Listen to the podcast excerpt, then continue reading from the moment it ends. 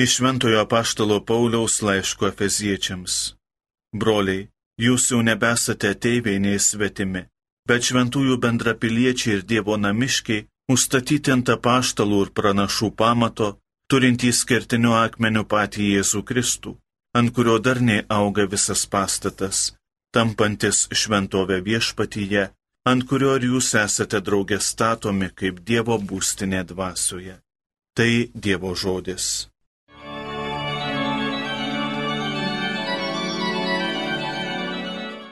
Per visą žemę eina jų aidas. Skelbia dangus Dievo garbę, apie jo rankų darbus žvaigždėtas įskliautas byloja, šią bylą kartoja diena būsimai dienai, o naktis ateinančiai nakčiai. Per visą žemę eina jų aidas.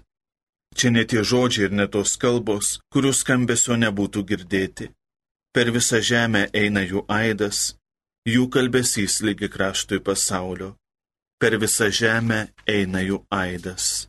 Alleluja, alleluja, alleluja.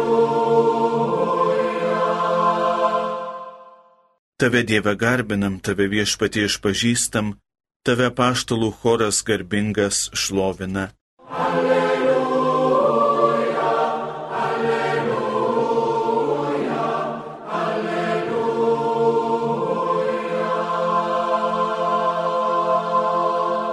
Iš Evangelijos pagal Luką.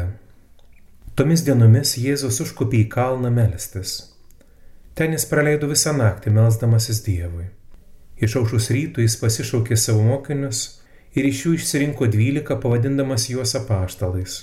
Simoną, kurį praminė Petru, jo brolį Andriejų, Jokūbą ir Joną, Pilypą ir Baltramiejo, Matą ir Tomą, Alfėjaus sūnų Jokūbą ir Simoną vadinamą Oliuoju, Jokūbo sūnų Judą ir Judą Iskarijotą, kuris vėliau tapo išdaviku. Jis nužengė su jais nuo kalno ir apsistojo lygioje vietoje. Ten buvo gausus jo mokinių būrys ir didelė daugybė žmonių iš visos judėjos ir Jeruzalės, iš Tyro ir Sidono pajūrio, kurie susirinko jo pasiklausyti ir pasigydyti nuo savo lygų. Buvo pagydami netirųjų dvasių varginamieji Visa minė stengiasi jį paliesti, nes iš jo ėjo gale ir visus gydė.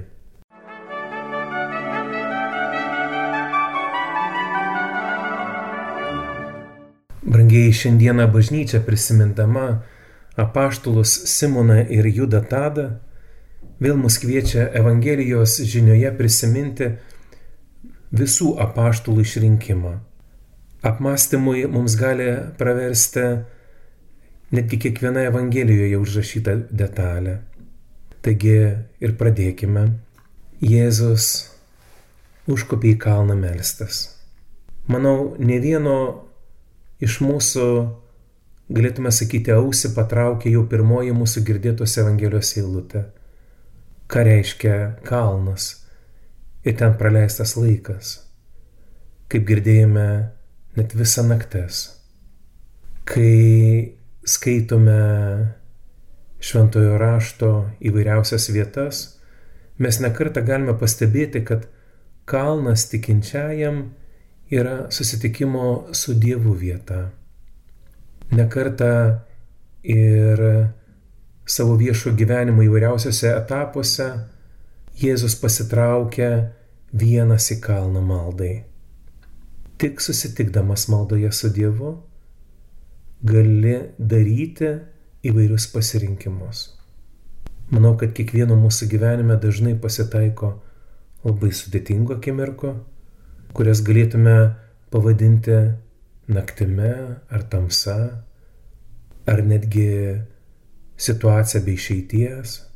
Šiomis akimirkomis Kristus mus moko nepasilikti pasaulio triukšme, blaškomose vėjuose ar tariamoje daug žadančioje šviesoje, kuri visą laiką sintetiškai nušviečia, bet atsitraukti į maldą, būti dangiškojo tėvo akivaizdoje. Jėzus pabuvęs tėvo akivaizdoje pasirenka 12 apaštalų. Galėtume sakyti, kad būtent apaštalų pasirinkimas ateina nuo tėvo. Jėzus susitinka maldoje su tėvu ir tai tėvo planas, kurį jo sunus įvykdo. Ką tai galėtų mums reikšti šitos detalės, kurias ką tik aptarėme? Mums jau gyvenantiems 21 amžiuje, amžiuje, kuris yra pilnas įvairiausių atradimų, naujovių ir stulbinančių pasiekimų. Tai, brangieji, yra nuostabu, naujovės, pažanga ir taip toliau, tačiau dar svarbiau savo vidinio pasaulio gelmes pasiekti ir tuos, kurie yra šalia mūsų pastebėti ir su jais būti. Šiuolaikiniam žmogui, o tai reiškia man ir tau, vis dažniau atsiranda didžiulė pagunda ir išmėginimas būti labai toli vienas nuo kito. Susitikti, vadinkime, kabutėse išmaniajame ar kokioje kitoje erdvėje ar platformoje, didžiulis gyvenimo tempas ir vidiniais dalykais nebepamatuojami greičiai mus gali nutolinti vienas nuo kito ir ne tik vienas nuo kito, bet ir nuo paties savęs, o tai reiškia ir nuo kurėjo. Atsitraukę samoningai ar ne nuo visako atverėjo ir palaikytojo, rizikuojame atsidurti save sunaikinančioje orbitoje. Kiekvienas savo tikėjimo kelionėje esame kviečiamas atrasti savo susitikimo su Dievu kalną ar bent jau kalvelę, kitaip sakant, maldos vietą, kurioje būdami galėtume atpažinti Dievo valią. Jėzus prieš pasirinkdamas apaštalus praleidžia visą naktį melzdamasis Dievui. Čia kartu galėtume atkreipti dėmesį, o kiek aš skiriu laiko savo asmeniniai maldai. Ar malda sušildo mano gyvenimą? Juk pripuolamai sukalbėjęs maldą, ar ją tarytum suvedęs kaip kokį pin telefono kodą, vargu ar patirsiu viešpatės prisilietimą. Maldai reikalingos yra, vadinkime, kaupimo pastangos. Be pastangų įdėjimo nebus jokio poslinkio į priekį. Ir ne visada kaupimas teikia emocinį pasitenkinimą ar komfortą. Maldos gyvenime taip dažnai prireiks daug atsisakyti, kad galėtume pakilti, susitikti ir išgirsti tai, ką viešpats tau ar man nori pasakyti.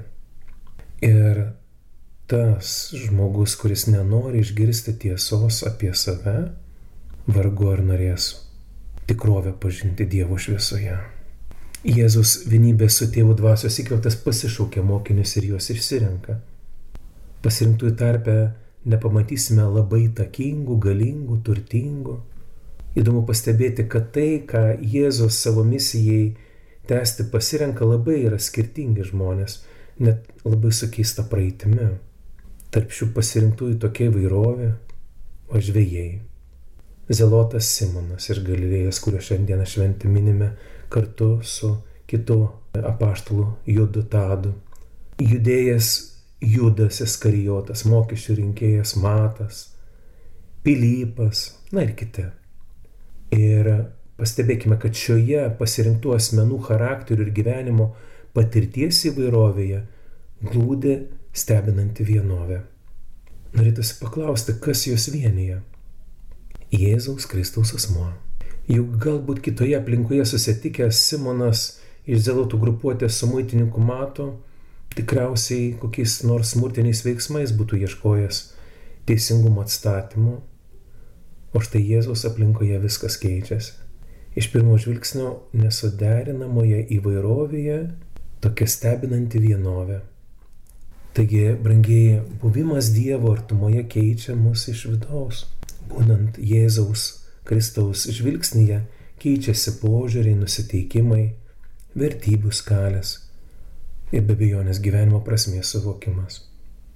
Apaštalas Paulius antrame laiške Korinto bendruomeniai yra pasakęs, kas yra Kristuje, tas yra naujas kūrinys.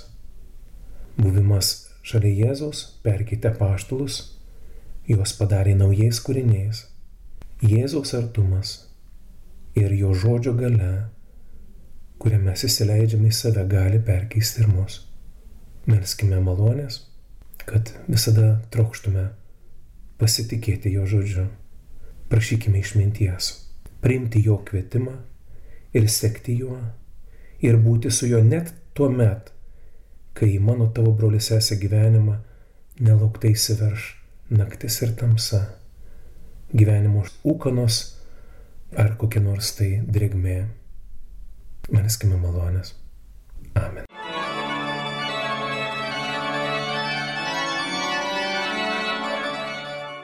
Homilija sakė kunigas Rolandas Karpavičius.